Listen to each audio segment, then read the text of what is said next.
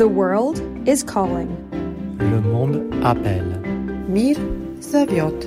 世界在呼唤你。Il mondo ci chiama. Verden kalder. I 12 dage har Putin sendt sine soldater i krig mod Ukraine.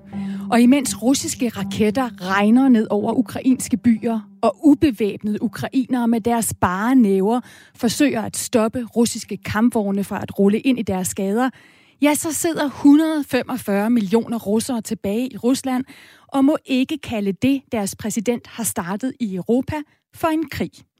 Ordet krig er simpelthen bortcensureret i Rusland, og det kan koste 15 års fængsel at tale åbent om Putins krig. Og omkring 13.000 personer er blevet anholdt siden invasionens første dag, fordi de har protesteret mod krigen rundt omkring i de russiske byer. Jeg har talt med en, der godt tør tale åbent om, hvad der sker. Det er Ruslands tidligere premierminister. Her fortæller han, hvad han synes om Putin lige pt. He is out of his mind. Mike, Mikhail Kashanov her, som du kan høre fra om lidt, han styrede Rusland sammen med Putin fra 2000 til 2004. Og han siger, at Putins krig vil få ødelæggende konsekvenser, både for Ukraine og for det russiske samfund og folk. Derfor spørger jeg i Verden kalder på Radio 4 i dag, hvor efterlader Putins krig Rusland? Jeg hedder Stine Krohmann Dragsted, og den næste time undersøger jeg, hvad Putins krig betyder for Ruslands økonomi, politiske styre og den russiske befolkning. Og du må meget gerne være med til at forme den næste time, hvis du har et spørgsmål, hvis du har en kommentar. Skriv ind til mig med en sms. Du starter din besked med R4, og så sender du den til 1424, altså 1424. Slut med dit navn og hvor du skriver fra. Og husk også, at du altid kan lytte til Verden kalder som podcast. Abonner på programmet her, hvor du henter din podcast, og så skriv meget gerne en anmeldelse.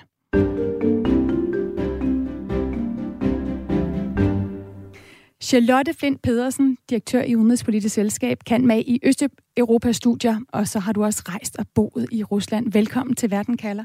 Tak for det. Da jeg i december sidste år spurgte dig her i programmet, om Putin var klar til at starte en større krig ved at invadere Ukraine, så svarede du sådan her.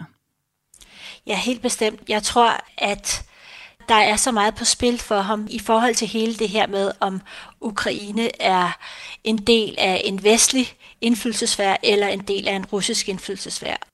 Charlotte, du fik desværre ret. Putin er i gang med at invadere Ukraine, og du siger i klippet her, at der er meget på spil for Putin. Kan Putin tåle at tabe den her krig? Nej, det kan han overhovedet ikke. Han har satset alt på at vinde den her krig, og når man ser på, hvordan han har, altså de sidste, siden 20, hvor han kom til magten, har bygget sin magt op, så kan man ligesom se, at det her, altså det, hele det her med den her øh, kampen om at genvinde russisk storhed og geopolitiske interessesfære, det har været en del af hans projekt. Godt, lad os dykke ned i, hvor det efterlader Ruslands øh, politisk, og hvor det efterlader Rusland militært, økonomisk og menneskeligt. Vi starter med den politiske sfære, altså magten i Rusland og hvem der kan påvirke magten. Jeg har talt med en, som har siddet på magten i Rusland sammen med Ruslands præsident Putin, en som kender manden og det politiske system indefra. I was close. I was second person in the country. I was prime minister of Russia. Mikhail Kashanov, som taler her, var Ruslands premierminister fra 2000 til 2004, mens Putin var præsident. Jeg ringede til ham i Moskva, hvor han stadig bor.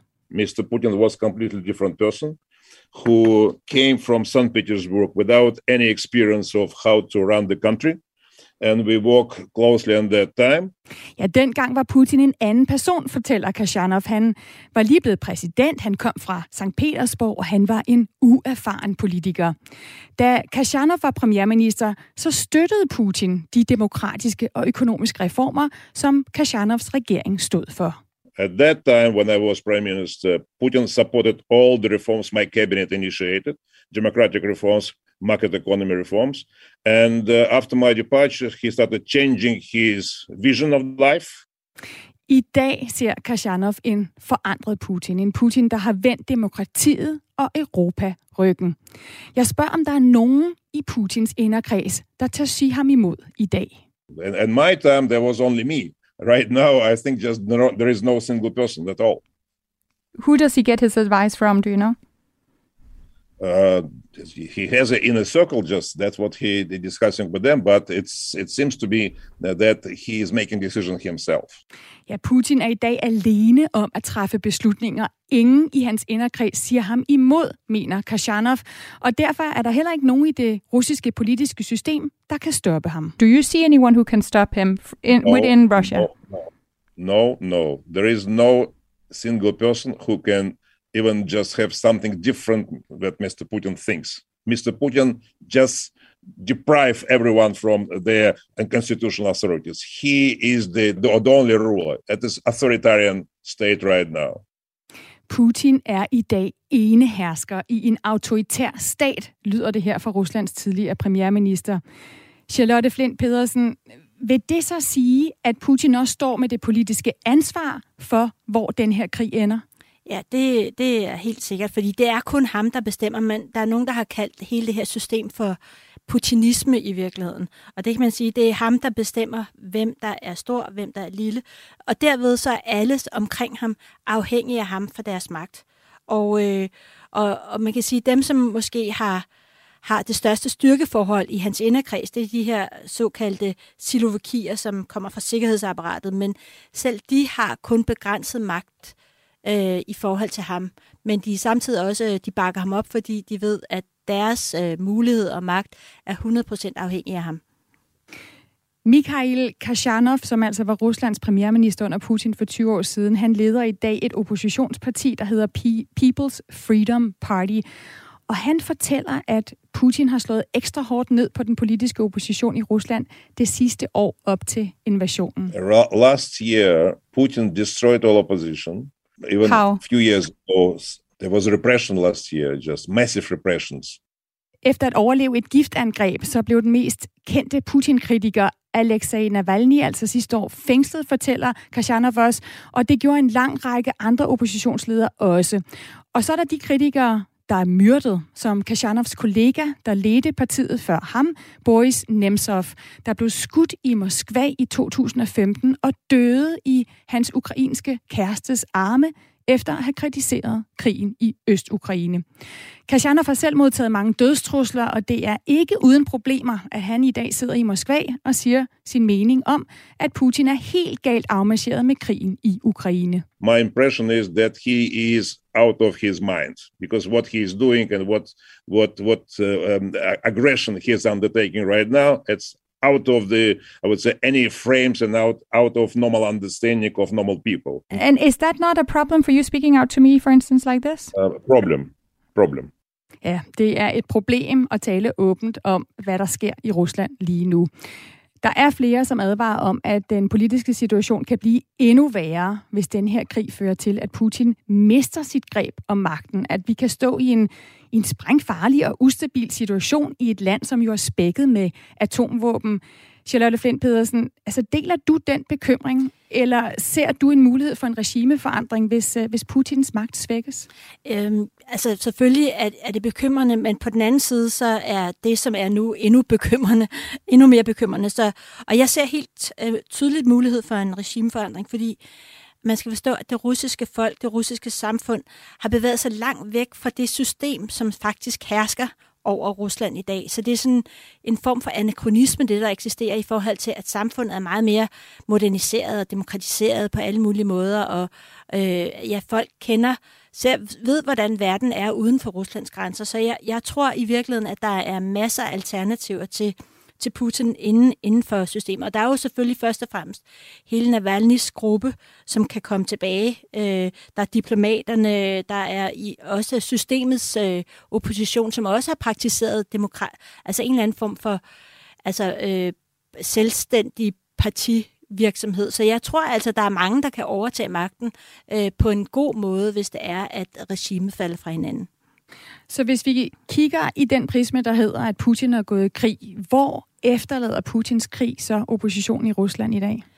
Altså på den ene side, altså en enestående mulighed for i virkeligheden at, at gribe øh, chancen, når, når hvis Putin ikke lykkes. På den anden side øh, kan de blive fuldstændig kvæst af den undertrykkelsesmaskine, som Putin øh, kan, kan, vil iværksætte og iværksætter lige nu.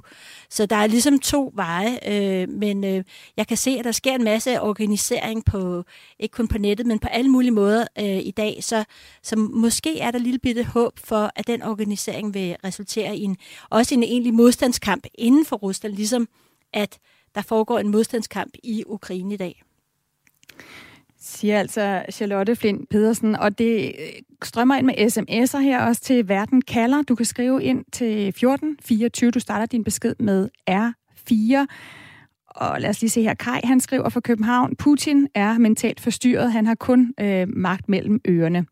Den eneste måde at stoppe krigen er at gøre det af med Putin, skriver Kai. Altså, Kai, det kommer vi faktisk tilbage til. Vi skal også snakke om, hvor militæret står i den her, og hvorfor det er, at generalerne overhovedet adlyder Putin. Men øh, til at starte med, så skal vi vende os mod den russiske befolkning. Verden kalder. Mir Zavjot. Rusland invaderer Ukraine. Rusland fortsætter barbariske missilangreb. Rusland vil afnazificere Ukraine. Det er et udpluk af overskrifter her fra krigens første 12 dage. Men hvem er Rusland, hvis vi udvider begrebet til ikke bare at være Putin og hans styre, men de 145 millioner russere, der bor i landet? Og hvad ved vi om, hvor de står, og hvor Putins krig efterlader dem? Natalia Burlinova bor i Moskva. Hun leder en russisk NGO med fokus på udenrigspolitik og diplomati. Hun og alle hendes russiske venner er først og fremmest triste over de mennesker, der dør lige nu, fortæller hun til mig.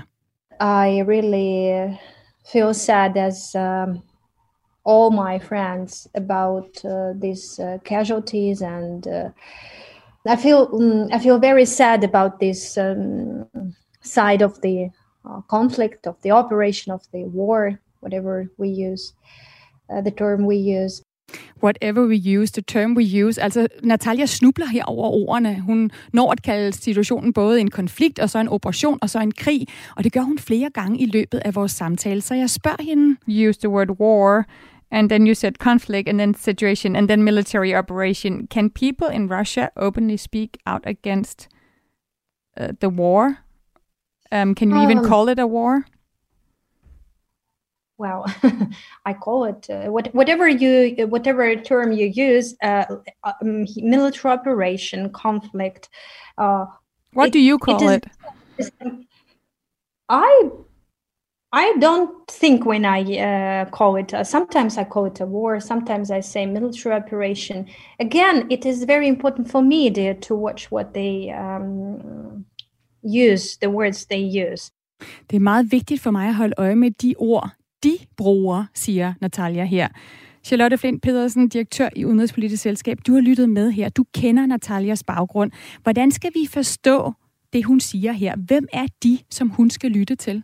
Hun skal lytte til de officielle øh, kommentarer fra, fra, fra styret, øh, familie fra Udenrigsministeriet, fordi at hendes NGO er en eller anden er sådan en slags øh, ja, indflydelsesagent i forhold til øh, Vesten, øh, en, en måde at komme i dialog med Vesten, eller public relations, eller sådan, øh, så de prøver på mange måder at, at indgå samarbejde med, med tænketanke i, i Vesten, med henblik på at påvirke tænkningen i de tænketanke.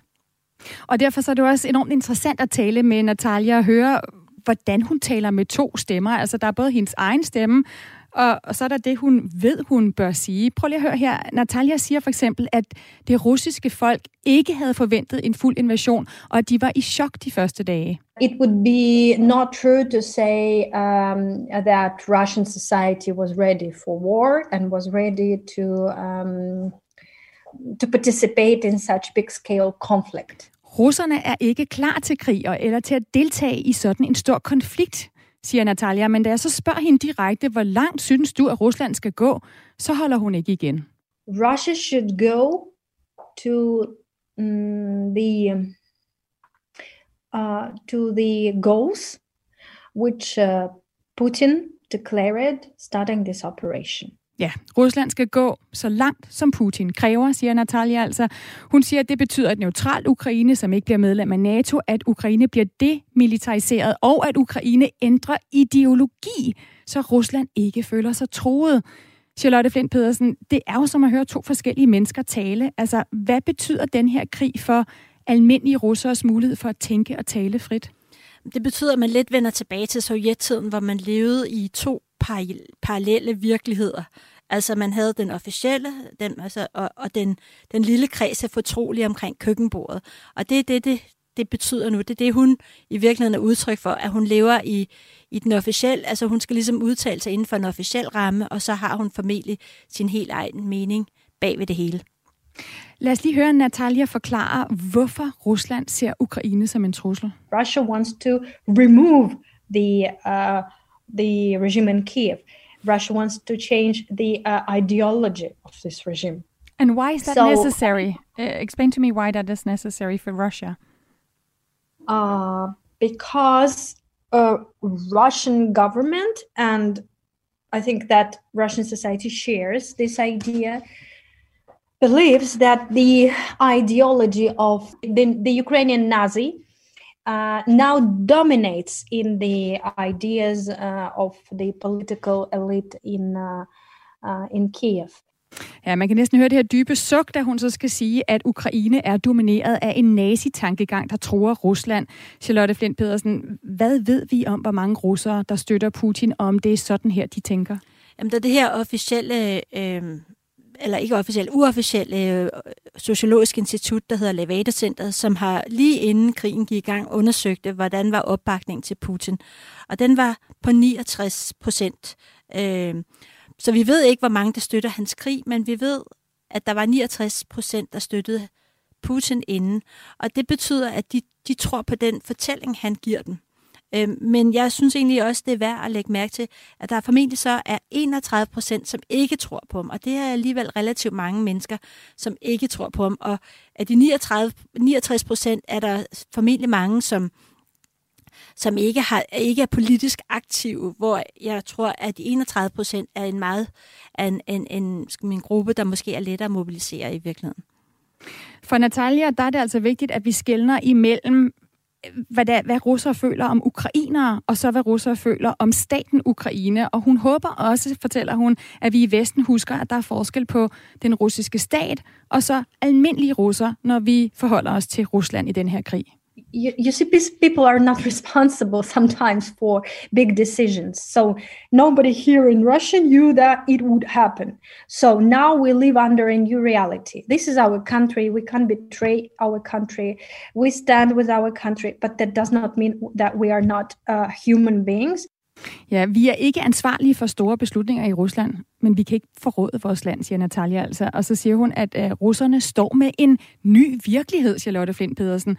Betyder Putins krig, at russerne er vundet op til en ny virkelighed, hvor de er mindre fri? Ja, i den grad. Altså, øh, og det er jo interessant måden, hun ligesom håndterer den her. Det er en ny virkelighed, hvor man i virkeligheden skal til at agere igen ud fra to, altså en officiel og en ikke-officiel. Men det er også, øh, altså, ud over den politiske frihed, som vil blive virkelig, altså som vil, vil, Putin vil sætte ind over for, jamen, så er det jo også den økonomiske frihed, som de ellers har oplevet øh, under Putin, som forsvinder, fordi at øh, sanktionerne og andet, øh, krigsmaskinen, der skal holdes i gang, alt det vil lægge beslag på, på den økonomi, som hidtil har været en del af pakken for Putin.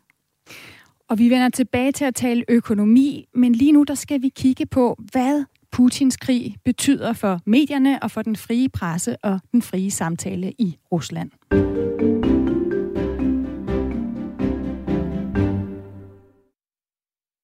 Andrej Kasankov, du er med os nu. Du er Ruslands korrespondent for Weekendavisen. Og det, jeg spørger om i dag, Andrej, det er jo, hvor efterlader Putins krig Rusland?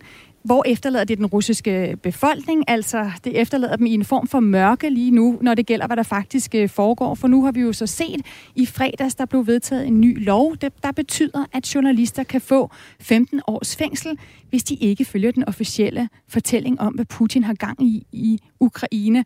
Og derfor vil jeg jo gerne have dig med, André, øh, for at få en, en reaktion, fordi du har lige været først i Ukraine for at rapportere om krigen der øh, for Weekendavisen, og så skulle du egentlig have været tilbage til Rusland for at rapportere, men det tør du ikke nu. Kunne du risikere fængsel, hvis du tog tilbage? Jamen, det tror jeg, at, at jeg sagtens skulle risikere. Uh, og derfor så er det også et spørgsmål om, altså nu har du introduceret mig som Weekendavisens Rusland-korrespondent. Jeg tror, at uh, jeg fremover bliver uh, Weekendavisens Rusland-jagtager. Fordi ligesom mange andre vestlige korrespondenter, så tør jeg ikke rigtig at rejse ind i Rusland længere. Fordi øh, som du selv siger, så kan man for eksempel få 15 års fængsel for at skrive, eller sige, krig om den her krig, der foregår i Ukraine. Ikke? Så hvis man bare, det, det kunne være nok. Uh, man skal selvfølgelig også sige, at vi har ikke, endnu ikke set, at der er nogen, der er blevet øh, anholdt for det. Men uh, det kan sagtens ske, og jeg har ikke øh, så meget lyst til at blive den første, der får det her 15 års uh, fængsel for for simpelthen at udføre mit arbejde. Mm.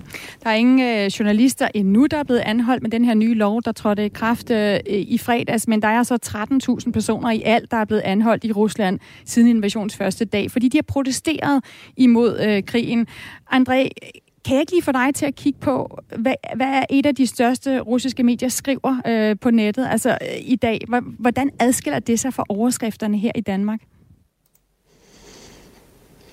Jamen, hvis man, øh, hvis man ser på øh, de pro-Kreml øh, statskontrollerede medier, dem er der jo flest af i, i Rusland, så dækker det det som altid sådan set fra Kremls synsvinkel, Uh, den her militære operation, det går jo efter planen, alt er i orden, man kæmper mod nazisterne, som holder civilbefolkningen indespærret. Der er nogle forvirrede mennesker, der er ude og demonstrere. Det har fuldstændig misforstået, uh, hvad der foregår. Heldigvis er der ikke så mange af dem, og man har så også anholdt dem. Nogle af dem har også overfaldet politiet og sådan noget. Det er ligesom, det er den grundlæggende fortælling, som det, uh, russerne bliver præsenteret for. Og så er der selvfølgelig stadigvæk, selv, selvom altså, der har jo været, øh, nu, nu kan jeg høre, I snakkede før om, at det er, det er en tilbagevenden til sovjettiden, ikke? Og det, det er det jo. Det er det jo nu endelig. Og vi har et eller andet sted snakket i mange år nu om, at Rusland er på vej tilbage til sovjettiden. Øh, men slet ikke i samme grad som nu. Nu er man på vej tilbage til sovjettiden, fordi at uh, Rusland er fuld gang med at forsøge at blokere for Facebook og Twitter og YouTube, sådan at man heller ikke får informationer på sociale medier. Uh, øh, der er store uh, magtkritiske medier, som trods alt har, havde uh, fået lov til at overleve uh, uh, indtil nu, som uh, radiostationen Echa Moskva, som tv-kanalen Dost og flere andre medier, som simpelthen øh, måtte lukke. Enten at det blev tvangslukket, eller også at jeg har det selv taget beslutningen om, at man kan jo ikke øh, fortsætte det her øh, øh, under nuværende omstændigheder. Der er, i hvert fald, der er omkring 150 russiske journalister, der allerede har forladt øh, Rusland i de her dage. Der er masser af vestlige medier som CNN og BBC og Øh, danske TV2 og mange andre, der har trukket deres øh, korrespondenter hjem. Og så er der nogen, der, der sådan fortsætter stadigvæk et eller andet sted øh, og forsøger at bidrage med noget, der minder om kritisk journalistik. Øh, den verdenskendte avis Nova Gazeta, hvis chefredaktør øh, Dmitry Muratov fik Nobels fredspris i efteråret, øh, de fortsætter stadigvæk. Men, men jeg kan jo se for eksempel, at de har været meget åbent omkring det her, at, at det er nødt til at censurere deres, uh, deres artikler. De skriver det helt åbent på deres hjemmesider nu. Mm. Så, så de skriver ikke uh, ordet krig, for eksempel. De skriver speciel operation. Og også når de dækker, nu spurgte du til, hvordan for eksempel uh, demonstrationen er blevet dækket. Altså der skriver det også, at uh, uh, der beskriver det det her anholdelser i forbindelse med demonstrationer imod speciel operationen. I, i citationstegn skriver det speciel operation. Tusind tak, øh, André, for, for de ord om, hvor Putins krig øh, efterlader journalister og medier og, og den information, russerne har adgang til. André Kasankov, Ruslands korrespondent for Weekendavisen. Nu skal vi undersøge, hvad Putins krig betyder for Rusland som militærmagt. Du lytter til Verden kalder på Radio 4. Hvor efterlader Putins krig Rusland? Det forsøger jeg at få svar på her i Radio 4's udlandsprogram Verden kalder. Jeg hedder Stine Krohmann Dragsted, og med mig der har jeg stadigvæk dig, Charlotte Flint Pedersen, direktør for det udenrigspolitiske selskab og, og Ruslands kender. Og så har vi også lytter øh, med. Der er mange, der skriver ind. Tusind tak for det.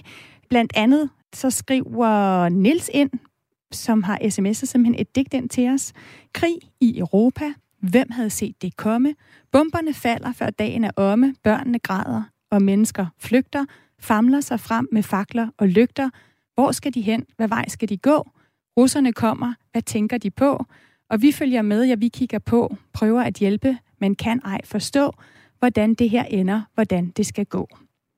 Tusind tak for det smukke digt, som Nils altså har sendt ind på 1424, startet med R4. Digte er velkomne, kommentarer, spørgsmål er velkomne her på Verden kalder, hvor vi i den næste halve time vender os fra det, det russiske politiske system, den russiske befolkning og de frie medier til at kigge på, hvor Putins krig efterlader det russiske militær og den russiske økonomi.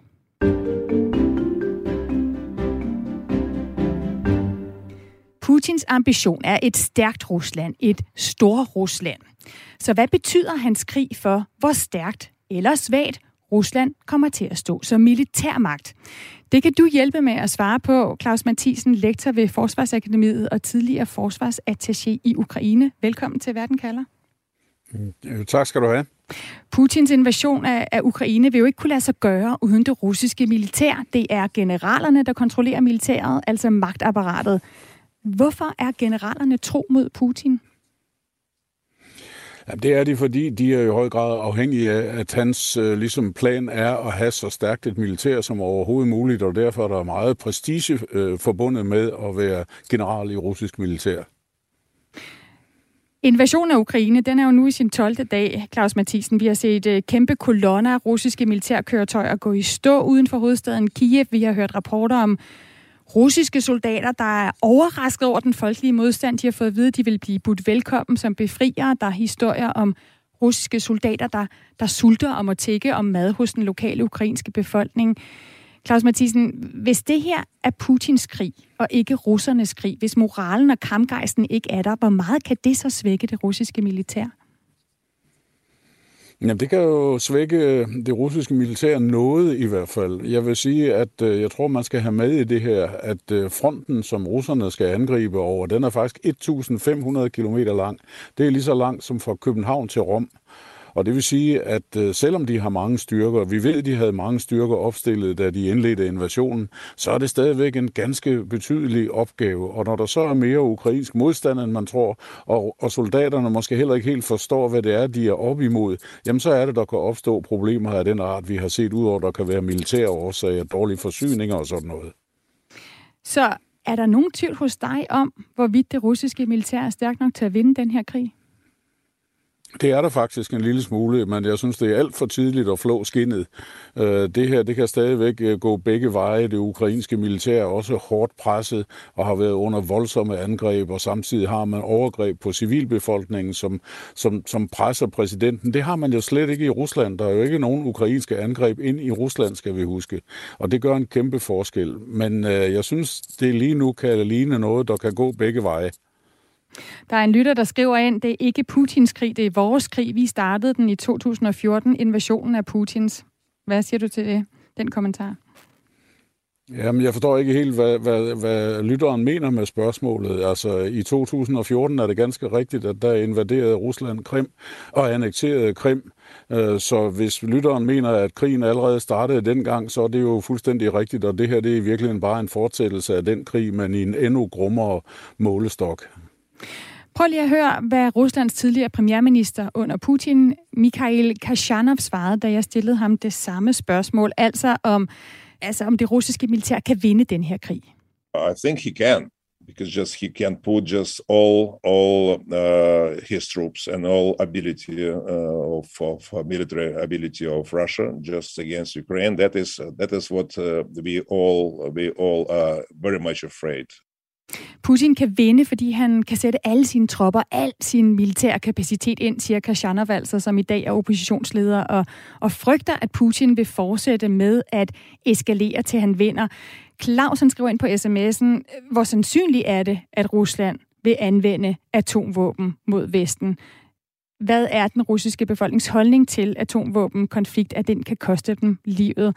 Claus Mathisen, det er et stort spørgsmål. Det er et meget stort spørgsmål. Jeg vil sige, at øh, selvfølgelig er der mulighed et eller andet sted for ud af den her konflikt, øh, jeg tror ikke der, hvor den er nu, at så kan atomvåben komme i anvendelse. De er jo blevet i talesat, at, at man skal, at Putin har sagt, at nu skal vi huske, at vi kan blive ramt af noget, der er frygteligere, end vi nogensinde har oplevet før. Hvordan den russiske befolknings holdning til det er, ja, der vil jeg sige, at desværre har man jo kørt sådan en krigspropaganda i Rusland de sidste mange, mange år, øh, sådan en nærmest øh, oppisket stemning, hvor russerne kan forledes til at tro, at, at atomvåben det er noget, man bare kan anvende mod fjenden, så er de væk, og så, så, så sker der ikke også noget. Og det er jo lige præcis det, der er forkert for hele filosofien i atomvåben, er, at rammer Rusland Vesten, så bliver Rusland selv udslettet af verdenskortet. Så hvor efterlader Putins krig det russiske militær og dets generaler? Ser du et et Rusland, der står med et stærkere eller et sværere militær efter den her krig?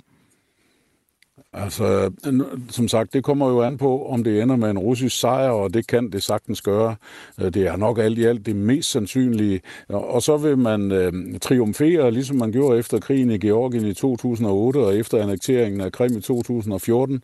Men der vil også være alvorligt behov for en storvask, ligesom der var efter krigen i Georgien 2008. For der er mange ting, der slet ikke er gået som, som jeg tror, russerne har planlagt det. Øh, og taber russerne, ser situationen helt anderledes ud, så, så kan vi vi risikere, at øh, der, der, der bliver en hel masse generaler fyret for udulighed, medmindre også den politiske ledelse bliver ramt. Det er meget svært at se, hvordan den udvikling kan blive, hvis det ender med, at Rusland faktisk må se et nederlag i øjnene. Og Claus, bare lige helt kort, hvad mener du, når du siger en storvask, også selvom at øh, Putin vinder krigen? Ja, men det er sådan en, hvor man så gennemgår alt, hvad man har foretaget militært, og prøver at pege på de ting, der ikke gik så godt, og prøve i en eller anden grad at lære af dem. Det var faktisk sådan en proces, der satte gang i de der russiske militærreformer, som startede i 2009, og som har ført frem til det stærke russiske militær, man står med i dag. I hvert fald til synlædende stærke. Claus Mathisen, tak for at hjælpe os med at forstå, hvad Putins krig kan betyde for Rusland som militærmagt. Selv tak altså lektor ved Forsvarsakademiet og tidligere forsvarsattaché i Ukraine. Og Charlotte Flint Pedersen, direktør for Udenrigspolitisk Selskab, du har lyttet med her. Charlotte, er der en grænse for, hvor mange russiske liv, altså fædre, sønner, onkler, nevøer, som russerne vil tolerere skal ofre sig for Putins krig? Det er der på den ene side, øh, og på den anden side, så tror jeg, at det, det er svært. Altså den grænse, det betyder, det vil ikke føre til et oprør. Øh, altså vi kan se fra krigen i Afghanistan i 80'erne, at øh, det var først, da Gorbachev kom til magten, at krigsmodstanden dukkede op, og det her med, at vi så mange soldater var døde i under Afghanistan. Men det var, fordi Gorbachev gav mulighed for at udtale sig. Indtil da havde det ikke været muligt at protestere over dødsfald. Så jeg er bange for, at den lukkethed, som også lukker, lukker sig om samfundet, gør det svært at øh, i talesæt her, øh, det, at der er nogen, der er døde.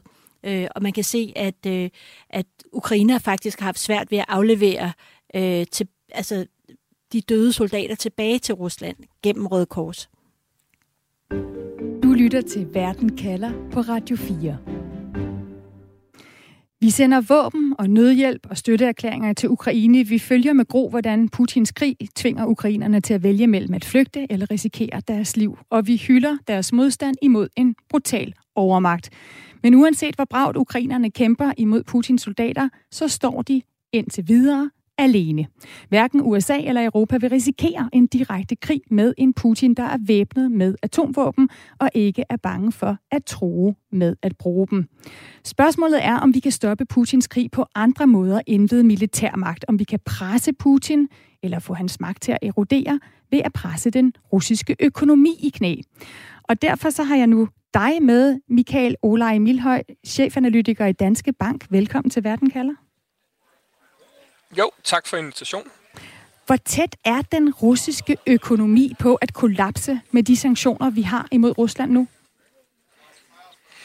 kollapser er selvfølgelig et stort ord, og man kan sige, at den økonomiske sigtbarhed er jo lav i, i øjeblikket, men der er ingen tvivl om, at russisk økonomi står i begyndelsen af en økonomisk nedtur på baggrund af de hårde sanktioner, som Vesten har indført mod, øh, mod Rusland. Øh, og det kan man jo se både, når man ser på øh, Øh, øh, rublens værdi, som jo er styrtdykket over for både dollaren og euroen, og man kan jo også se det på, at selvom at det russiske aktiemarked holder lukket, jamen så er vi i en situation, hvor at de fleste indikatorer tyder på, at aktiemarkedet vil falde øh, markant, og vi er også i en situation, hvor at på grund af sanktionerne, at de russiske virksomheder har svært ved at få adgang til både likviditet og finansiering, fordi de ikke må handle med udenlandske øh, investorer. Så det er jo en for russisk økonomi meget, meget svær situation i øjeblikket.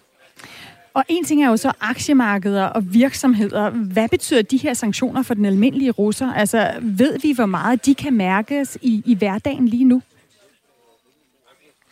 Jamen, det her kommer til at kunne mærkes hårdt, også blandt øh, helt ordinære russiske borgere. Fordi for det første, så er værdien af de penge, som de tjener, den er, øh, de er styrt dykket, fordi at den her markante svækkelse af den russiske rubel, jamen det gør, at det bliver sværere for, eller dyrere for Rusland at købe udenlandske varer, og dermed rækker, altså så kom, bliver inflationen højere, og dermed rækker lønsedlen ikke lige så langt for ordinære russer, som den ellers ville have gjort. Og det, der også bliver et problem for russerne, det er, at en lang række vestlige virksomheder jo har sagt, at de ikke vil øh, lave transaktioner med, med Vesten, øh, sorry, med, med Rusland, og vi også har hørt, at mange af de her containervirksomheder ikke vil transportere øh, varer til Rusland, så det betyder altså også, at russerne får en ringere adgang til øh, vestlige varer. Øh, og dermed så bliver det altså både dyrere og mere besværligt at købe varer, ligesom at hvis vi får den her økonomiske nedtur, som, som, som jeg jo vurderer, at vi står i midten af, jamen så betyder det altså også afskedelser, øh, så der altså kommer flere arbejdsløse russere.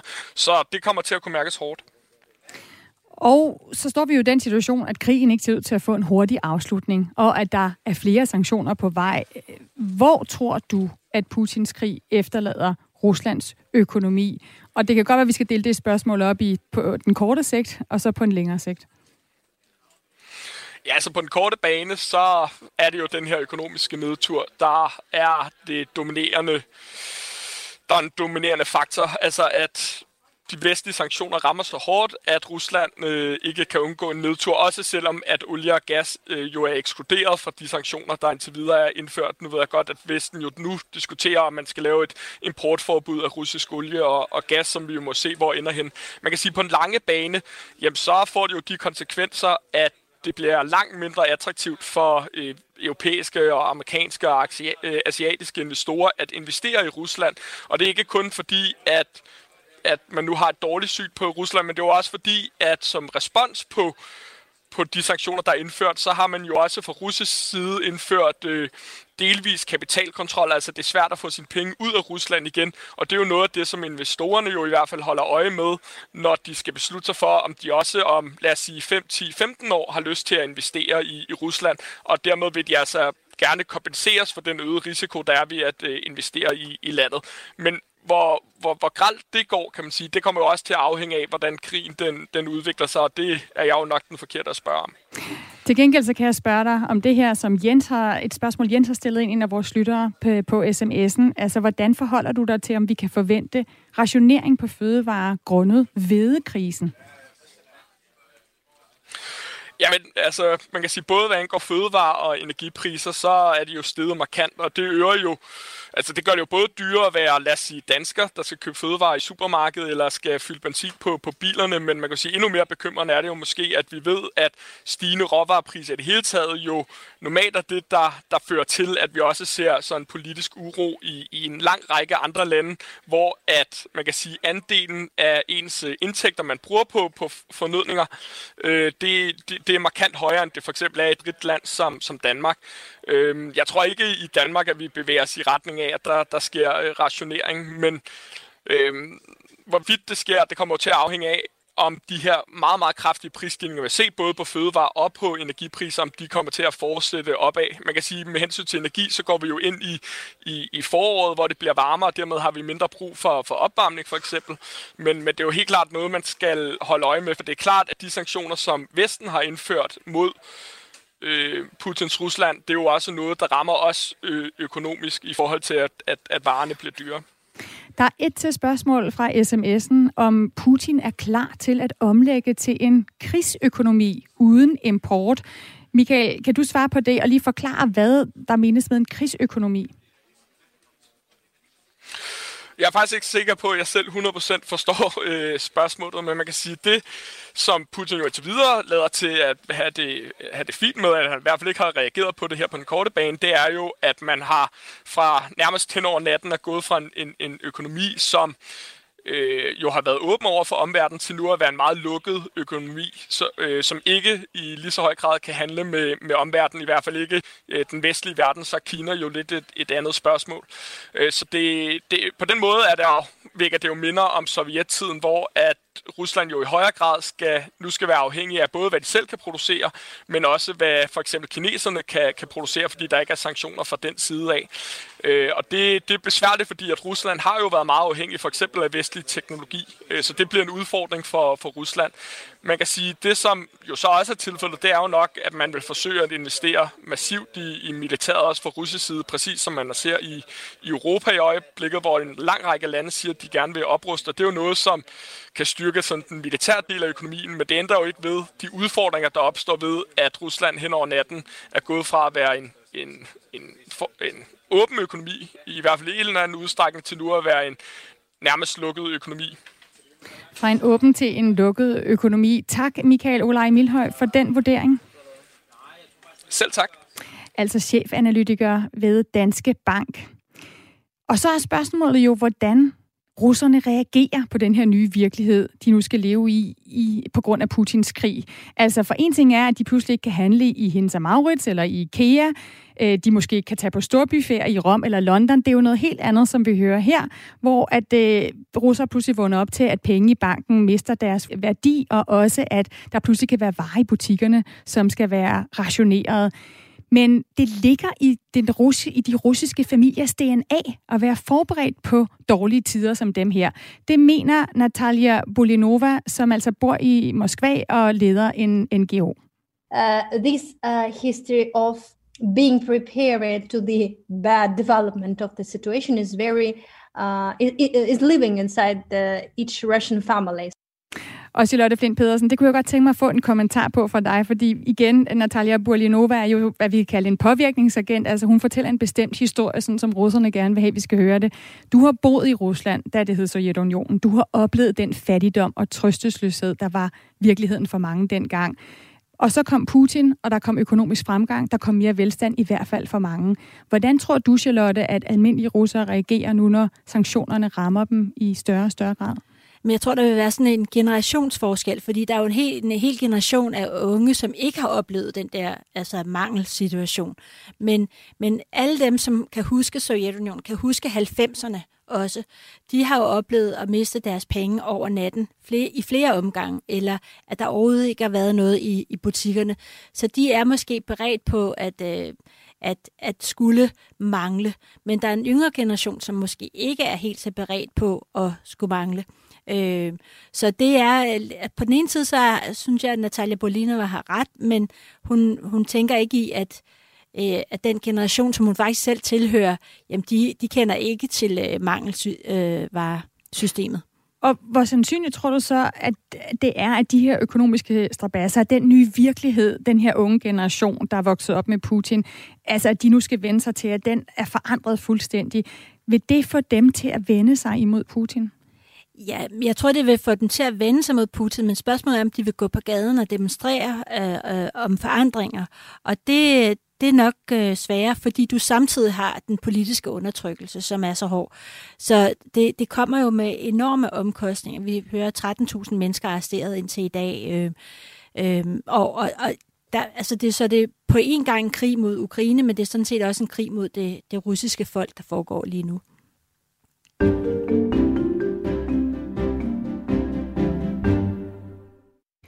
Vi har været rundt i Ruslands politiske system hos det russiske folk, medierne, militæret og kigget på økonomien for at stykke brækkerne sammen til at svare på, hvor Putins krig efterlader Rusland. For det er afgørende at fokusere på Rusland, hvis vi, for, hvis vi vil forstå, hvad kampen i Ukraine egentlig handler om. Nemlig kampen mellem et liv i frihed eller undertrykkelse. Og derfor så talte Ukraines præsident Volodymyr Zelensky også på russisk, da han i går opfordrede alle russere til at vælge frihed over slaveri. Her er det et klip med BBC's oversættelse. Ukrainians, Ukrainians, we have already gained our future, but we are still fighting for our present. It is very important. We are fighting for where the border will be, between life and slavery. And this is not just our choice. The citizens of the Russian Federation are making the same choice right now. During these days, during these hours, between life and slavery. Vi kæmper om, hvor grænsen går mellem liv og slaveri, og det er ikke bare vores valg, det er altså også indbyggerne i Ruslands valg, siger Ukraines præsident Zelensky, og skifter altså her i talen fra ukrainsk til russisk. Charlotte Flint Pedersen, hvorfor er det så svært for russerne at træffe det valg, altså at frigøre sig? Man skal ligesom se, hvor meget frihed har russerne egentlig oplevet. Og når man har frihed, så bygger man sådan set også sin evne til at tage egne beslutninger, at, at netop at frigøre sig. Men i modsætning til, til ukrainerne, så har Rusland ikke oplevet den frihed, som, som ukrainerne har, i hvert fald de sidste 20 år. Og det er en del af fortællingen. Øh, Boris Nemtsov, som du nævnte tidligere, han, han sagde allerede i 2015, inden han blev skudt på gaden, at øh, Ukraines øh, frihed var også vejen til russisk frihed. Øh, og øh, så allerede på det tidspunkt havde han set, at det simpelthen, altså Ukraines frihed hjælper russerne med i virkeligheden at tage, tage stilling til, om de en dag skal være fri. Øh, men det er svært, når man ikke har været vant til ligesom at være borger og opleve sig selv, have en værdi og ret til at tage beslutninger angående ens eget liv. Og det er, så, det er en del af den frigørelsesproces, som, som russerne skal igennem, og den, den tager tid øh, og kræver frihed. Og så er det, at Anne Vibeke Plenge, som er lytter her på Radio 4, skriver ind og spørger, hvordan kan kunstnere og kulturpersonligheder medvirke til en oplyst opposition i Rusland? Hvad tænker du om det, Charlotte? Jamen, jeg tænker, at øh, de gør allerede rigtig meget. Blandt andet har, øh, er der en, en, altså en lang række kunstnere, som i virkeligheden har været ude og udtalt sig offentligt på sociale medier. Øh, jeg tror, det var en, en liste på 500 kunstnere, som på, altså virkelig øh, har forsøgt at, at, at, ligesom at få folk i tale. Øhm, blandt andet øh, øh, Alla Pugachova, som var den, den store sangerindes øh, mand, har været ude. Og altså, Alla Pugachova, det er ligesom, altså, man kan ikke forestille sig en større kultur inde overhovedet. Og når hendes mand går ud og ligesom siger fra over for det, så det, der er rigtig mange kunstnere, som faktisk har været ude og, og tale imod krigen i, i de aller, aller første dage. Og man må håbe, at de bliver ved med at, at gøre det, men det, man skal jo have et forum, øh, spørg, altså, og, og spørgsmål om, hvad man kan adressere i teater og film. Jeg synes egentlig, at den russiske filmscene er ret fri øh, i dag, men spørgsmålet om den bliver ved med at være det.